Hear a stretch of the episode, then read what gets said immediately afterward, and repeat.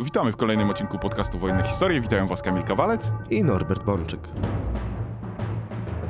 Co tydzień przybliżamy Wam szereg zagadnień oraz obalamy wiele mitów związanych z II wojną światową. Nasze odcinki powstają na bazie własnych, długoletnich badań naukowych, wertowania tysięcy stron zarchiwizowanych meldunków wojskowych, wreszcie publikowania książek i artykułów. Ten podcast istnieje dzięki zaangażowaniu i niezwykłej hojności naszych patronek i patronów, za co im bardzo dziękujemy. Jeżeli ty też uważasz, że warto zostać naszym patronem, możesz wesprzeć nas wpłatą w serwisie Patronate pod adresem patronate.pl łamane na podcast Wojenne Historie.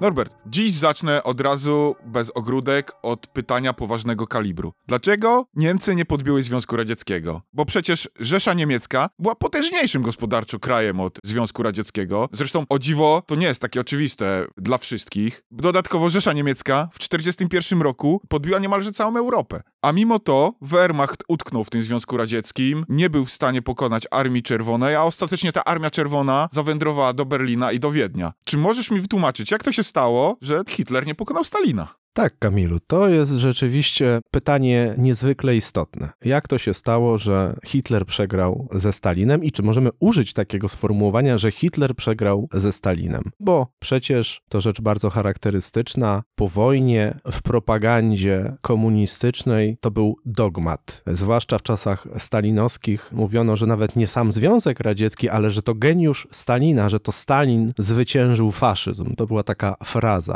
Zresztą w Związku Radzieckim właściwie każdy w to głęboko wierzył, że to właśnie Związek Radziecki obalił ten mityczny faszyzm, a tak naprawdę nazizm niemiecki i niemiecki militaryzm. To jest bardzo charakterystyczne, że nawet kiedy w prywatnych rozmowach pytano wysokich rangą dowódców Armii Czerwonej, co sądzą o Stalinie, to niektórzy z nich odpowiadali, że Stalin wymyka się ich pojmowaniu, bo przecież oni wiedzą, że popełnił mnóstwo zbrodni, że popełnił mnóstwo błędów, błędów, ale przecież koniec końców doprowadził Związek Radziecki do tego wspomnianego przez ciebie Berlina, do tego Wiednia, uczynił Związek Radziecki olbrzymim, potężnym imperium, które zniewoliło pół Europy. I Związek Radziecki stał się supermocarstwem, co było o tyle zaskakujące, że gdy wybuchała II wojna światowa, to nie było najpotężniejsze państwo Europy. Najpotężniejszym gospodarczo państwem Europy do czasów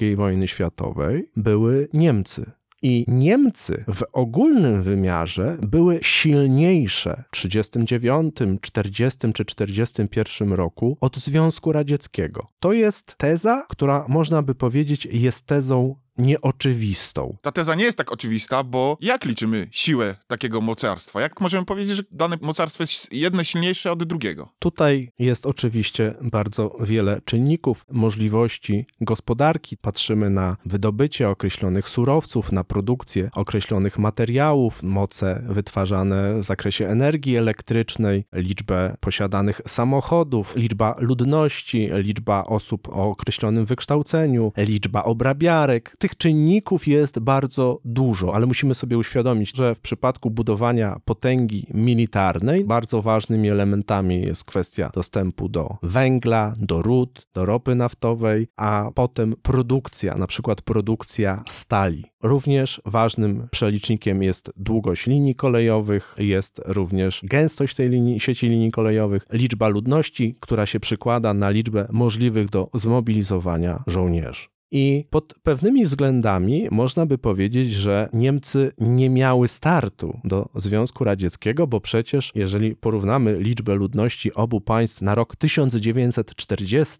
to Niemcy liczyły wówczas około 80 milionów ludzi, podczas gdy Związek Radziecki miał ich wtedy prawie 200 milionów po wchłonięciu państw nadbałtyckich, po wchłonięciu wschodniej Polski, Besarabii, Bukowiny rumuńskiej, liczba ludności Związku Radzieckiego, która w roku 1939 wynosiła około 170 milionów, wzrosła do prawie 200, 194, 197 milionów, zależy jak to policzymy, podczas gdy Niemcy miały wyraźnie mniej ludności, bo 80 milionów na terenie Rzeszy, w granicach jednak z pierwszego września 1939 roku. bo potencjały ludnościowe Niemiec i ZSRR gwałtownie w czasie wojny się zmieniały, czego wiele osób nie uwzględnia. Już w 1939 roku Niemcy rozrosły się dalej naszym kosztem, chłaniając kolejnych kilka milionów ludzi, w tym w granicach Rzeszy znalazło się kilka milionów Polaków. W roku 1940 przyłączyły do swoich terytoriów Alzację i Lotaryngię, gdzie była mieszana ludność francusko-niemiecka, a musimy zdawać sobie sprawę z tego, że Niemcy, etniczni Niemcy byli przed II wojną światową i w jej trakcie rozsiani po całej Europie. Mieszkali nawet w ZSRR. I Hitler w 1940-1941 roku prowadził intensywną akcję ściągania ludności pochodzenia niemieckiego do Rzeszy. Z Rumunii, z Chorwacji, z ZSRR, z państw bałtyckich, z Polski. Nawet z generalnego gubernatorstwa przesiedlano etnicznych Niemców na ziemię włączone bezpośrednio do Rzeszy. Na przykład spod Lublina wywieziono kilkanaście tysięcy osób i osiedlono je w Poznańskim. Poza tym potencjał Hitlera zwiększali ludnościowo jego nowi sojusznicy. W roku 1941 po stronie Hitlera opowiedziała się Finlandia, Rumunia, Węgry, powstało państwo chorwackie, istniało państwo słowackie. Włochy były zainteresowane wojną ze Związkiem Radzieckim. Pojawili się nawet przecież hiszpańscy ochotnicy.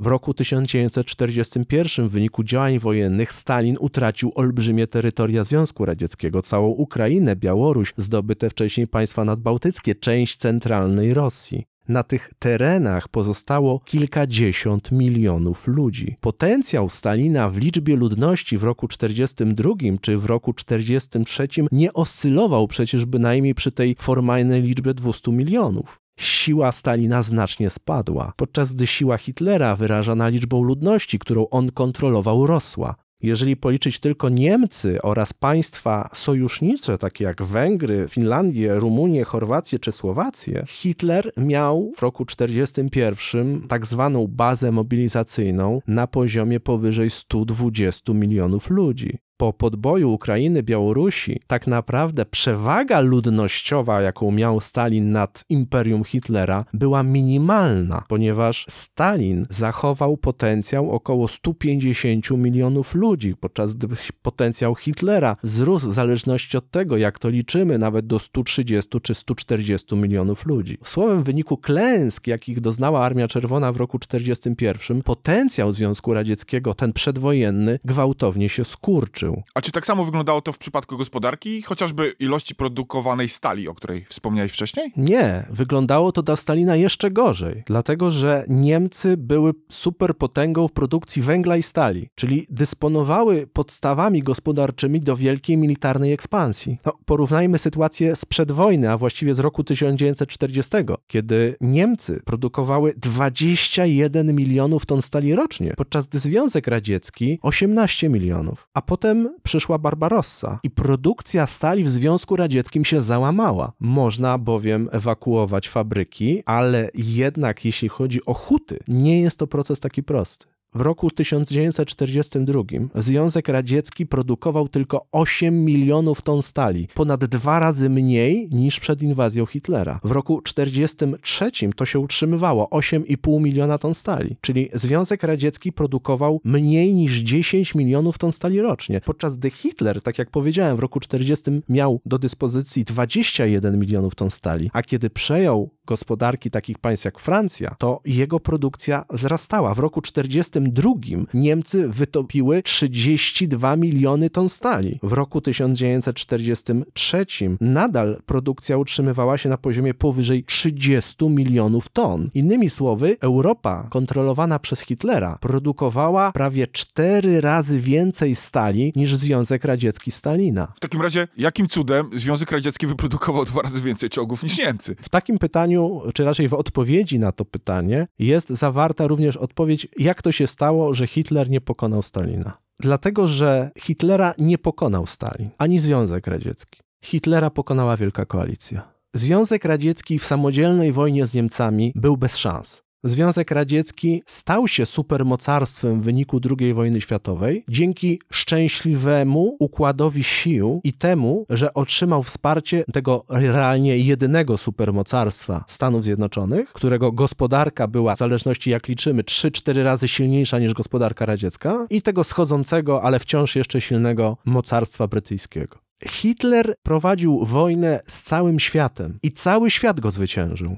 Nie zwyciężył go Związek Radziecki. Tak, Armia Czerwona wiązała najliczniejsze zgrupowanie Wehrmachtu przez większość okresu wojny i na terytorium ZSRR zginęły, zaginęły setki tysiące, a potem miliony żołnierzy niemieckich. Jednakże Niemcy nie były w stanie skoncentrować się na wojnie ze Związkiem Radzieckim i dlatego ostatecznie tą wojnę przegrały. Niemców zgubiła wielofrontowość. Mimo, że Związek Radziecki pod względem gospodarczym w 1942, w 1943 roku w wyniku klęski roku 1941 doznał tak głębokiego załamania, był w stanie przetrwać. Gospodarka radziecka na zwolnionych czy na osłabionych obrotach była jednak w stanie przestawić się całkowicie na na produkcję zbrojeniową natychmiast, podczas gdy gospodarka niemiecka przez wiele lat wojny nie była przestawiona na maksymalną moc produkcyjną. A dlaczego Hitler w takim razie, wiedząc, że walczy nie tylko ze Związkiem Radzieckim, ale też z resztą wolnego świata, nie przestawił tej swojej gospodarki na tryby wojenne od razu? Hitler obawiał się rewolucji. Wiedział, że Niemcy załamały się w roku 1918 w dużej mierze w wyniku kolapsu wewnętrznego. To znaczy upadło morale i jednocześnie w Niemczech doszło do rozruchów, doszło do tak zwanej rewolucji i Niemcy obawiały się, że zbyt ciężkie warunki życia ludności własnej, zbyt duże zaangażowanie wyłącznie w megaprodukcję zbrojeniową, to spowoduje, że reżim straci na popularności. W związku z czym Niemcy podjęły decyzję o przestawieniu całej gospodarki na totalitarną produkcję wojskową dopiero w roku 1943.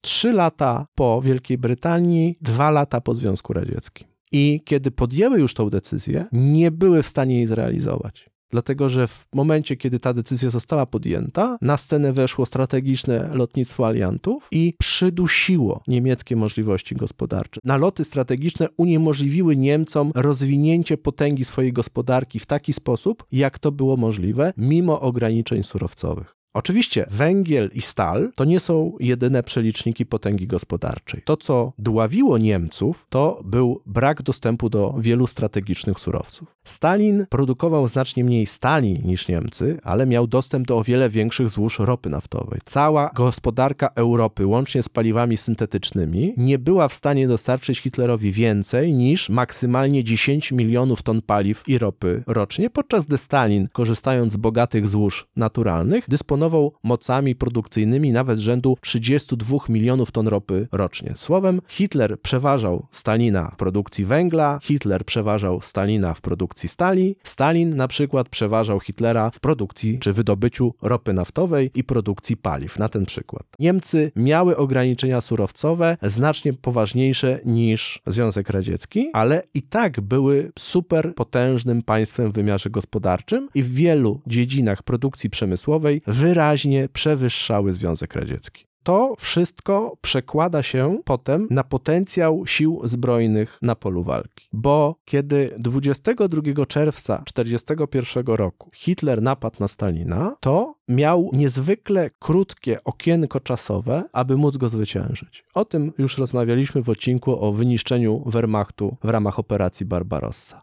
to tempo działań bojowych, jakie narzucili sobie Niemcy latem 1941 roku, w 3-4 miesiące wykończyło ich logistycznie. To znaczy, oni zużyli, ja to zawsze powtarzam, bo to jest niezwykle ważny parametr. W 3 miesiące działań bojowych o niezwykłej intensywności zużyli roczną produkcję benzyny. Kwestie surowcowe kładły się cieniem na możliwości operacyjne wojsk w polu. Hitler w roku 1941 w jakimś zakresie wyczerpał możliwości bojowe Wehrmachtu, wchodząc w Związek Radziecki. On po prostu w tym Związku Radzieckim utknął. Ale musimy sobie zdawać sprawę z tego, że utknął i musiał podjąć decyzję, co dalej. To znaczy, już w roku 1941, po paru miesiącach, było wiadomo, że raczej Hitler już Stalina nie pokona. To już pokazała Barbarossa. Ale to nie oznaczało automatycznie, że Stalin pokona Hitlera. Bo to są dwie zupełnie różne rzeczy, które nam właśnie w tej narracji historycznej z perspektywy już powojennej, z tego prezentyzmu naszej oceny umyka. To, że Hitler nie pokona Stalina, było wiadomo już w roku 1941, ale to nie było równoznaczne z tym, że za cztery lata Armia Czerwona wejdzie do Berlina i Wiednia. To nie musiało się koniecznie tak skończyć. Dlaczego uważasz, że w 1941 roku nie było to jednak dla Niemców takie oczywiste, że Armia Czerwona zajmie Berlin, zajmie Królewiec i Wiedeń? Tak naprawdę w grudniu 1941 roku kierownictwo Rzeszy Niemieckiej zdało sobie sprawę z tego, że wojna jest przegrana. Zagrali hazardowo w Związku Radzieckim i im się nie udało. Związek Radziecki można było powalić szybko albo wcale. Ale po tej konstatacji wojna jest przegrana, Niemcy mogli jeszcze wybrać sposób, w jaki tę wojnę przegrają. Hitler, jak zaczynał wojnę, przemówił do narodu niemieckiego i powiedział coś takiego: Hańby 1918 roku więcej nie będzie. Nie będzie żadnej haniebnej kapitulacji. Dzisiaj ubieram mundur Feldgrau. Albo wygram tą wojnę, albo zginę. I oczywiście później starał się, sądował możliwości pokojowe, czy to z aliantami zachodnimi, czy ze Stalinem. Ale jednak był gotów do końca walczyć ze wszystkimi. I Hitler musiał dokonać wyboru, jakiej alokacji środków dokona, czyli w jaki sposób rozdysponuje Wehrmacht i w jaki sposób rozdysponuje potęgę przemysłową Rzeszy w drugim i w trzecim etapie wojny. I Hitler podjął decyzję, że będzie jednocześnie walczył ze wszystkimi, ale stopniowo to pojęcie będę walczył ze wszystkimi ponownie zaczęło przekierowywać go na zachód. Hitler stopniowo zaczął się od Stalina odwracać plecami i Stalin ostatecznie w 1944 i w 1945 roku Armią Czerwoną w te plecy Hitlera wbije swój bagnet. Mówiąc to, masz na myśli to, że wojna na niemieckim froncie wschodnim stawała się dla Hitlera coraz mniejszym priorytetem niż wojna z aliantami zachodnimi? Dokładnie tak. I właśnie dlatego Stalin pokonał Hitlera. Front wschodni wiązał olbrzymią część Wehrmachtu, ale im dłużej trwała wojna, tym wiązał wiązał coraz mniej tego Wehrmachtu. I jak zobaczymy statystyki ogólne dla armii lądowej, dla HER, to przecież w roku 1941 na froncie wschodnim i na zapleczu frontu wschodniego, bo to też wyraźnie podkreślmy, było zaangażowanych 87% wojsk lądowych Wehrmachtu. W roku 1942 to było 72% wojsk lądowych Wehrmachtu. W roku 1943 64% wojsk Wehrmachtu. Pod koniec roku 1944 już tylko 50% wojsk lądowych Wehrmachtu walczyło na froncie wschodnim. A przecież mamy jeszcze Kriegsmarine, a przecież mamy jeszcze Luftwaffe. Niemcy na pełen gwizdek zaangażowali się na wschodzie w gruncie rzeczy tylko w roku 1941, co oczywiście przyniosło efekty w postaci niemal całkowitego rozbicia Armii Czerwonej i zajęcia olbrzymich połaci Związku Radzieckiego, całej Ukrainy czy Białorusi, dojścia do Leningradu, Moskwy, Rostowa, Charkowa. Ale Niemcy się wyczerpały, a Związek Radziecki przetrwał. I Hitler nie zdecydował się już nigdy później na taką alokację środków, aby próbować dobić Stalina, aby próbować rozstrzygnąć wojnę na wschodzie. Już od roku 1942 zaczęło się przekierowywanie wysiłku gospodarki niemieckiej na wiele równoległych projektów, a w przypadku niektórych, jak na przykład rozwój okrętów podwodnych, proces ten został zapoczątkowany jeszcze w roku 40. W przypadku artylerii przeciwlotniczej było podobnie. Kiedy zobaczymy na takie gigantyczne projekty Hitlera, jak projekt U-Boot-Waffe, jak projekt broni odwetowych, jak wał atlantycki, jak budowa obrony przeciwlotniczej. To są projekty, które kosztowały miliardy rajśmarek i szły na te projekty miliony ton stali. Te projekty nie były wymierzone w Związek Radziecki. Hitler w czerwcu 1941 roku miał ponad 7 milionów żołnierzy i skierował w bezpośrednim uderzeniu na ZSRR 3 miliony 300 tysięcy. Słowem, wówczas Hitler w 1941 roku miał więcej żołnierzy niż Stalin. I na obszarze operacyjnym, bo to było ponad 3 miliony przeciwko 2,5 miliona, ale i ogólnie, bo Armia Czerwona w połowie 1941 roku liczyła 5,5 miliona żołnierzy, a Wehrmacht ponad 7. W 1941 roku Hitler miał więcej żołnierzy niż Stalin i ta statystyka utrzymywała się aż do końca 1941 roku. I potem Stalin stracił kilkadziesiąt milionów ludzi. Potencjał ludzki Związku Radzieckiego gwałtownie się obniżył. Potencjał ludzki Hitlera gwałtownie wzrósł. I stało się coś niezwykłego. Stalin po olbrzymich stratach ludzkich, po obniżeniu się zasobów ludności, bo to nie jest prawda, że liczebność ludności w Związku Radzieckim była nieprzeliczona. Nagle ten osłabiony Stalin zarządził totalną mobilizację ludności, na co Hitler do końca nie mógł się zdecydować. I mimo, że przyrastała potęga Wehrmachtu ogólnie licząc, to przekładało się na potencjał na froncie wschodnim. W roku 1942 Hitler miał pod bronią w Wehrmachcie już ponad 8 milionów żołnierzy, ale Stalin w Armii Czerwonej miał ich już ponad 9 milionów, czyli liczba żołnierzy Stalina była już wyższa niż liczba żołnierzy Hitlera. Hitler w 1942 roku na froncie wschodnim miał niespełna 3 miliony żołnierzy Wehrmachtu, mniej niż w roku 1941, podczas gdy Stalin wystawił armię liczącą na frontach operacyjnych już ponad 5 milionów. Słowem, dwukrotnie zwiększył potencjał potencjał swoich wojsk na froncie, podczas gdy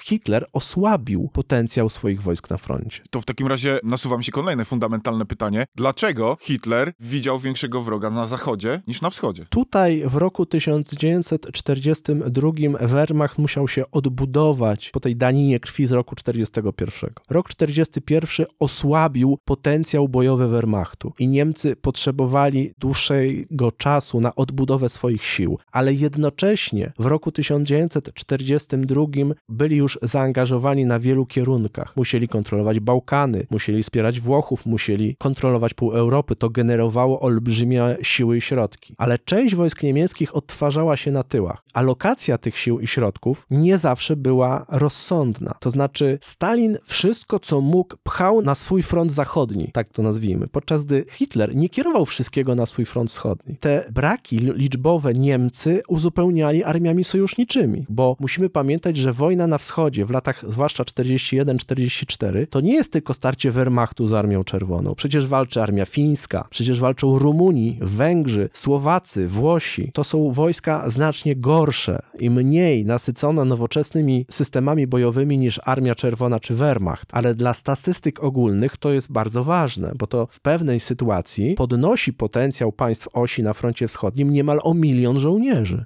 Ważne jest jednak coś innego. W 1941, 1942, 1943 roku potencjał Wehrmachtu i Armii Czerwonej podnosił się. W roku 1941 Armia Czerwona liczyła 5,5 miliona żołnierzy, w 1942 roku już ponad 9 milionów, w 1943 roku już ponad 10 milionów. Wehrmacht bardzo podobnie. W 1941 ponad 7 milionów, w 1942 ponad 8 milionów. W połowie 1943 roku Wehrmacht i wojska Waffen-SS liczyły już 9,5 miliona ludzi. Słowem, potencjał potencjał ogólny Hitlera i Stalina w liczbie żołnierzy był podobny, ale nie na froncie. W 1943 roku razem z wojskami sojuszniczymi Hitler miał niespełna 4 miliony żołnierzy, podczas gdy potencjał Stalina zaczął dochodzić już do 6,5 miliona, czyli Stalin zaczynał przeważać nad Hitlerem w stosunku 1 do 1,5. W roku 1944 armia niemiecka na wschodzie to nadal razem z jednostkami sojuszniczymi mniej niż 3,5 miliona żołnierzy, podczas gdy Armia Czerwona do największych operacji była już w stanie skoncentrować nawet 7 milionów milionów żołnierzy na froncie. Słowem, na początku 1944 roku Armia Czerwona przeważała już na froncie w stosunku 2 do 1. Latem 1944 roku 2,5 do 1. Jesienią 3 do 1. Widzimy zatem, jak między 1942 a 1944 rokiem potencjał Armii Czerwonej na froncie wzrósł w stosunku do armii Hitlera, tak, że ostatecznie w 1944 roku Armia Czerwona wreszcie zaczęła uzyskiwać w wymiarze ogólnym przewagę na poziomie 2,5-3 do 1, co dało jej ostatecznie te oszałamiające zwycięstwa w roku 1944. I to jest bardzo ważne. Potencjał Hitlera na wschodzie nie przyrastał. Armia niemiecka, czy to był rok 41, to był rok 42, to był rok 43, czy rok 44, cały czas liczyła nie więcej jak 3,5 miliona żołnierzy w obszarach operacyjnych. Podczas gdy Armia Czerwona zaczynała wojnę z 2,5 miliona żołnierzy na obszarach operacyjnych, by dojść do poziomu 6,5, a nawet 7 milionów. Czyli Stalin przyrastał, a Hitler nie. I to właśnie ostatecznie doprowadzi w roku 1944 do gigantycznej klęski Hitlera, bo została przekroczona pewna masa krytyczna. Hitlerowska armia w obronie mogła skutecznie opierać się, kiedy przeciwnik miał przewagę ogólną 1,5-2 do 1. Kiedy jednak zaczął uzyskiwać ogólną przewagę 2,5-3 do 1, załamała się. Po trzech latach wojny przyszło ostatecznie załamanie, które pogłębiło odejście sojuszników. Finlandii, Rumunii, Węgier, te państwa stopniowo odpadały, zwłaszcza Rumunia i Finlandia. Przecież to była utrata setek tysięcy żołnierzy przeliczeniowych. Mało tego, Rumuni i Finowie zwrócili broń przeciwko Niemcom. Słowem, armia niemiecka w pewnym momencie miała znacznie więcej żołnierzy gdzie indziej niż na wschodzie. I teraz się zastanawiam, czy to było wymuszone odwracanie się plecami, czyli alianci zachodni swoim naciskiem zmuszali do tego Hitlera, czy on świadomie w pewien sposób poświęcił ten front wschodni, mając nadzieję, że zwycięży aliantów zachodnich?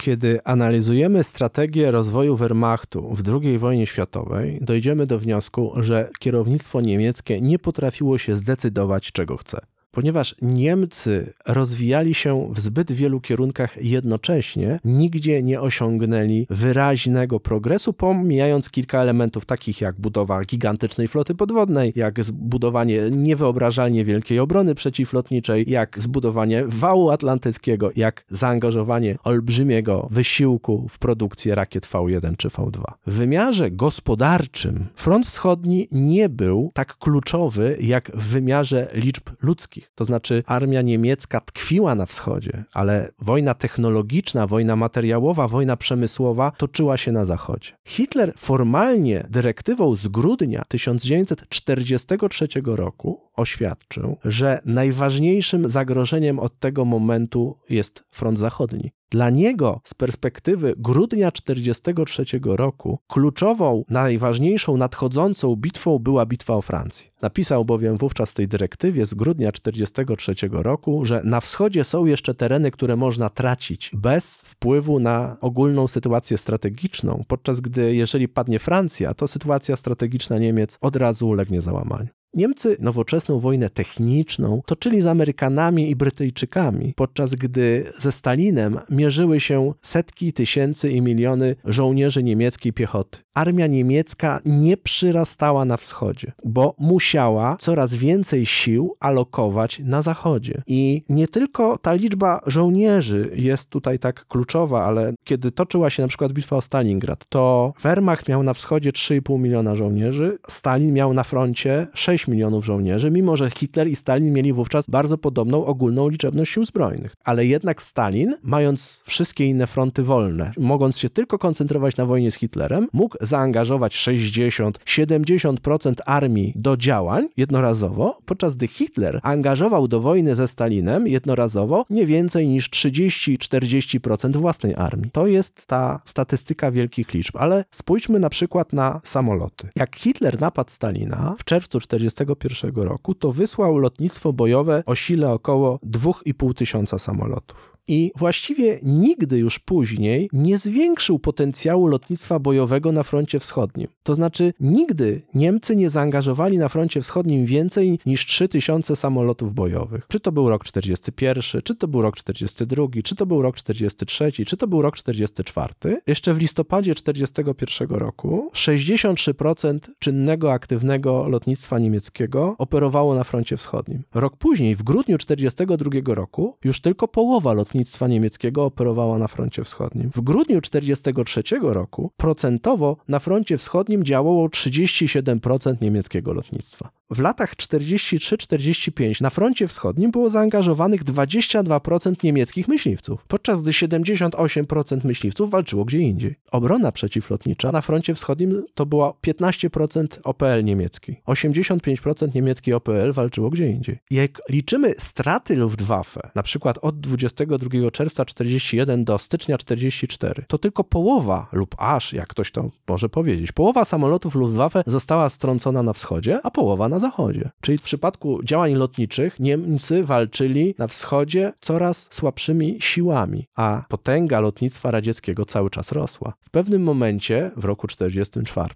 przewaga liczebna lotnictwa radzieckiego w strefach operacyjnych była już na poziomie często 10 do 1. Stalin przyrastał, Hitler nie. To samo możemy zaobserwować w przypadku czołgów. Hitler napadł Stalina mając 4000 pojazdów gąsienicowych opancerzonych, z czego 3500 tysiąca to były czołgi. I nigdy już później armia Hitlera nie miała takiej liczby czołgów na wschodzie jak 22 czerwca 41. Potem było już tylko mniej. W 1941 roku wyczerpali swój potencjał niemal zupełnie. W czasie walk pod Stalingradem ten niemiecki potencjał pancerny to było mniej niż 3000 czołgów. Kiedy szli do bitwy pod Kurskiem dwa lata po Barbarossie, to licząc łącznie z działami samobieżnymi i działami szturmowymi, to mieli 4000 pojazdów, czyli latem 43 roku mieli dokładnie tyle samo czołgów czy pojazdów pancernych, co latem 41. Nie przyrosło im nic. Gdy w czerwcu 44 roku zaczęły się decydujące bitwy na wszystkich frontach, to niemiecka armia na froncie wschodnim miała czołgów i dział szturmowych łącznie 3100, czyli miała o 25% mniej czołgów i dział pancernych niż w czerwcu 1941 roku, trzy lata wcześniej. Podczas gdy Stalin w roku 1944 miał już arsenały pancerne na poziomie powyżej 25 tysięcy czołgów i mógł zaangażować operacyjnie ponad 15 tysięcy z nich jednocześnie. Przewaga operacyjna w czołgach wynosiła już w tym momencie co najmniej 5 do 1. I to jest to odwrócenie się Hitlera do Stalina plecami. Armia Czerwona po tych gigantycznych klęskach roku 41 stopniowo, rok po roku odtwarzała się, a potem przyrastała. W roku 44 i 45 była dwa razy silniejsza niż w roku 41.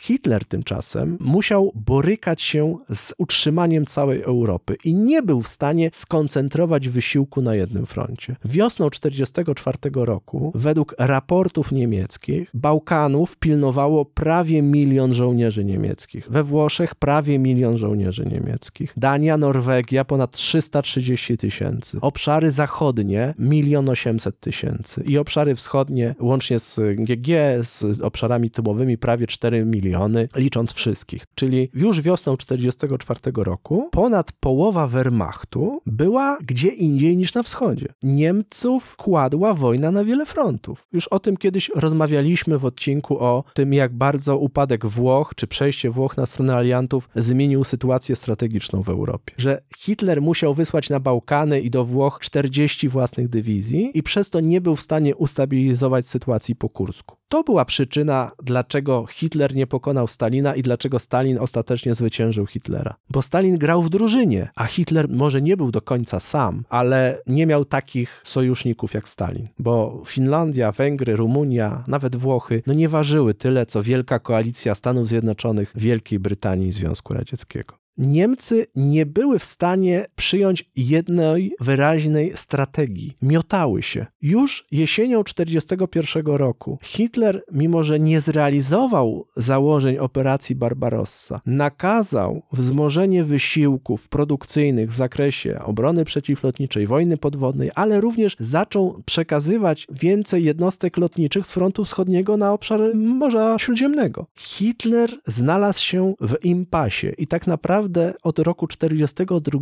nie do końca wiedział, co ma robić. Stał się niezdecydowany. Wszystkie jego sukcesy wynikały z wielkiej gry bank i ten wielki hazardzista w 41 roku w wyniku niepowodzenia Barbarossy stracił zęby. Przestał być wielkim hazardzistą. Przestał wszystko stawiać na jedną kartę. Przeszedł tak naprawdę do obrony strategicznej. Czym była operacja Fall Blau w roku 42? Czy ona miała na celu obalenie Związku Radzieckiego, powalenie Stalina? Nie, bo gdyby rzeczywiście to był cel, zaatakowałby Moskwę. Ale Hitler uznał, że on w wymiarze strategicznym wyczerpał swój potencjał. To znaczy, że odbudowa potęgi Wehrmachtu po wyczerpaniu się z roku 1941 będzie długotrwałym procesem opartym o gospodarkę. I dlatego w roku 1942 przekierował armię w kierunku Kaukazu, bo chciał zdobyć złoża roponośne, bo Niemcy nie mieli ropy, a jak nie mieli ropy, to nie mieli benzyny. I dlatego nie za zaatakowali Moskwy, tylko ruszyli w kierunku Baku, Groznego, bo Hitler przestawiał się na wojnę gospodarczą, ale w takiej wojnie był z góry skazany na klęskę. On nie mógł wygrać wojny gospodarczej, bo obok tego Stalina stanęły już Stany Zjednoczone i Wielka Brytania. Te wielkie mocarstwa Wielkiej Koalicji posiadały 75% światowych surowców. Hitler w roku 1942 jeszcze zaangażował się w wojnę na wschodzie w dużym wymiarze, ale już nie w takim jak w roku 1941. Skala operacji zaczepnych armii niemieckiej w roku 1942 była o wiele słabsza niż w roku 1941 i dodatkowo, aby w ogóle umożliwić armii niemieckiej działania zaczepne, trzeba było się ratować armiami sojuszniczymi. Armią drugą węgierską, ósmą armią włoską, dwoma armiami rumuńskimi, co ostatecznie na linii Donu i pod Stalingradem dla Niemców skończyło się katastrofą ale już w roku 1942 widać, jak duży potencjał został przekierowany na zachód. Rok 1942 to już jest dynamiczna rozbudowa obrony przeciwlotniczej, to jest bitwa Atlantyk, to jest budowa wału atlantyckiego. Nie możemy tego ignorować. Niemcy, gdyby inaczej alokowały środki, mogłyby być może w II wojnie światowej wyprodukować taką samą liczbę czołgów jak Stalin. To było technicznie wykonalne, ale musiały pójść za tym decyzje, które by na przykład oznaczały koniec budowy okrętów podwodnych. Nie wylejemy miliona ton stali w bunkry wału atlantyckiego. Niemcy nie potrafiły się zdecydować, jak ta alokacja środków ma wyglądać. Więc ta gigantyczna potęga Niemiec nie została nigdy w sposób wyraźny obrócona przeciwko Związkowi Radzieckiemu, może poza tymi najbardziej gorącymi miesiącami lata i jesieni 1941 roku. Ale nawet wówczas, nawet w roku 1941, kiedy Hitler zaatakował Stalina, to przemysł hitlerowskich Niemiec i podbitej Europy nie pracował tak dynamicznie, jak analogicznie przemysł brytyjski, czy zaraz potem po mobilizacji przemysł radziecki. Hitler toczył wojnę na wiele frontów i to właśnie to umożliwiło w 1945 roku Armii Czerwonej wejście do Berlina i Wiednia. Czyli jednym słowem chcesz powiedzieć, że gdyby w 1944-1945 roku Wielka Koalicja nie funkcjonowała, Stalin walczyłby z Hitlerem, ale by go nie pokonał. Gdyby nie było Wielkiej Koalicji, na pewno Stalin nie pokonałby Hitlera. Potencjał gospodarczy podbitej przez Hitlera Europy był większy niż potencjał gospodarczy Związku Radzieckiego. Oczywiście, nie w produkcji ropy, no ale w produkcji węgla, w produkcji stali, a nawet w pewnym momencie pod względem liczby ludności. Hitler miał pod sobą więcej ludzi niż Stalin, jeżeli liczymy oczywiście również ludność podbitych państw, takich jak Francja, jak Polska, czy państwa sojusznicze, czy Ukraina, Białoruś. No nie zapominajmy o tym. Przecież Hitler zassał do swoich wojsk pomocniczych setki tysięcy obywateli Związku Radzieckiego. Więc tylko w systemie Wielkiej Koalicji Stalin mógł pokonać Hitlera. I właśnie dzięki Wielkiej Koalicji go zwyciężył. Stalin nie był geniuszem, który pokonał faszyzm. Ja już pomijam to, że propaganda komunistyczna notorycznie myliła faszyzm z nazizmem, ale to nie Stalin pokonał faszyzm, to Wielka Koalicja pokonała Hitlera. Oczywiście, kiedy mówimy o tym wszystkim, to nie mamy na celu minimalizowanie znaczenia Związku Radzieckiego czy wpływu Związku Radzieckiego na ostateczne zwycięstwo nad Niemcami, bo ktoś tą masę niemieckich dywizji piechoty i pancernych wiązać musiał, ale musimy zwrócić uwagę na to, że olbrzymi wpływ to nie jest to samo, co wpływ decydujący. I Armia Czerwona to był bardzo ważny element Wielkiej Koalicji. Ale nie zapominajmy, że Hitler też miał 10 milionów żołnierzy. I gdyby tylko Hitler mierzył się ze Stalinem, to ta wojna wyglądałaby zupełnie inaczej. Ale mierzył się z Wielką Koalicją i poniósł klęskę. No, mam nadzieję, Norbert, że tym odcinkiem pokazujemy, jak bardzo badając, czy interesując się historią II wojny światowej, należy zwracać uwagę na takie subtelne niuanse, które są takim wielkim słoniem, którego czasem możemy nie dostrzec. Zatem dziękuję Ci za ten odcinek i do usłyszenia. Dziękuję bardzo. Dziękujemy, że byłeś z nami do końca tego odcinka. Odwiedź nas na Facebooku, Instagramie, Twitterze lub TikToku. Wszędzie tam znajdziesz nas wpisując podcast Wojenne Historie. Do usłyszenia.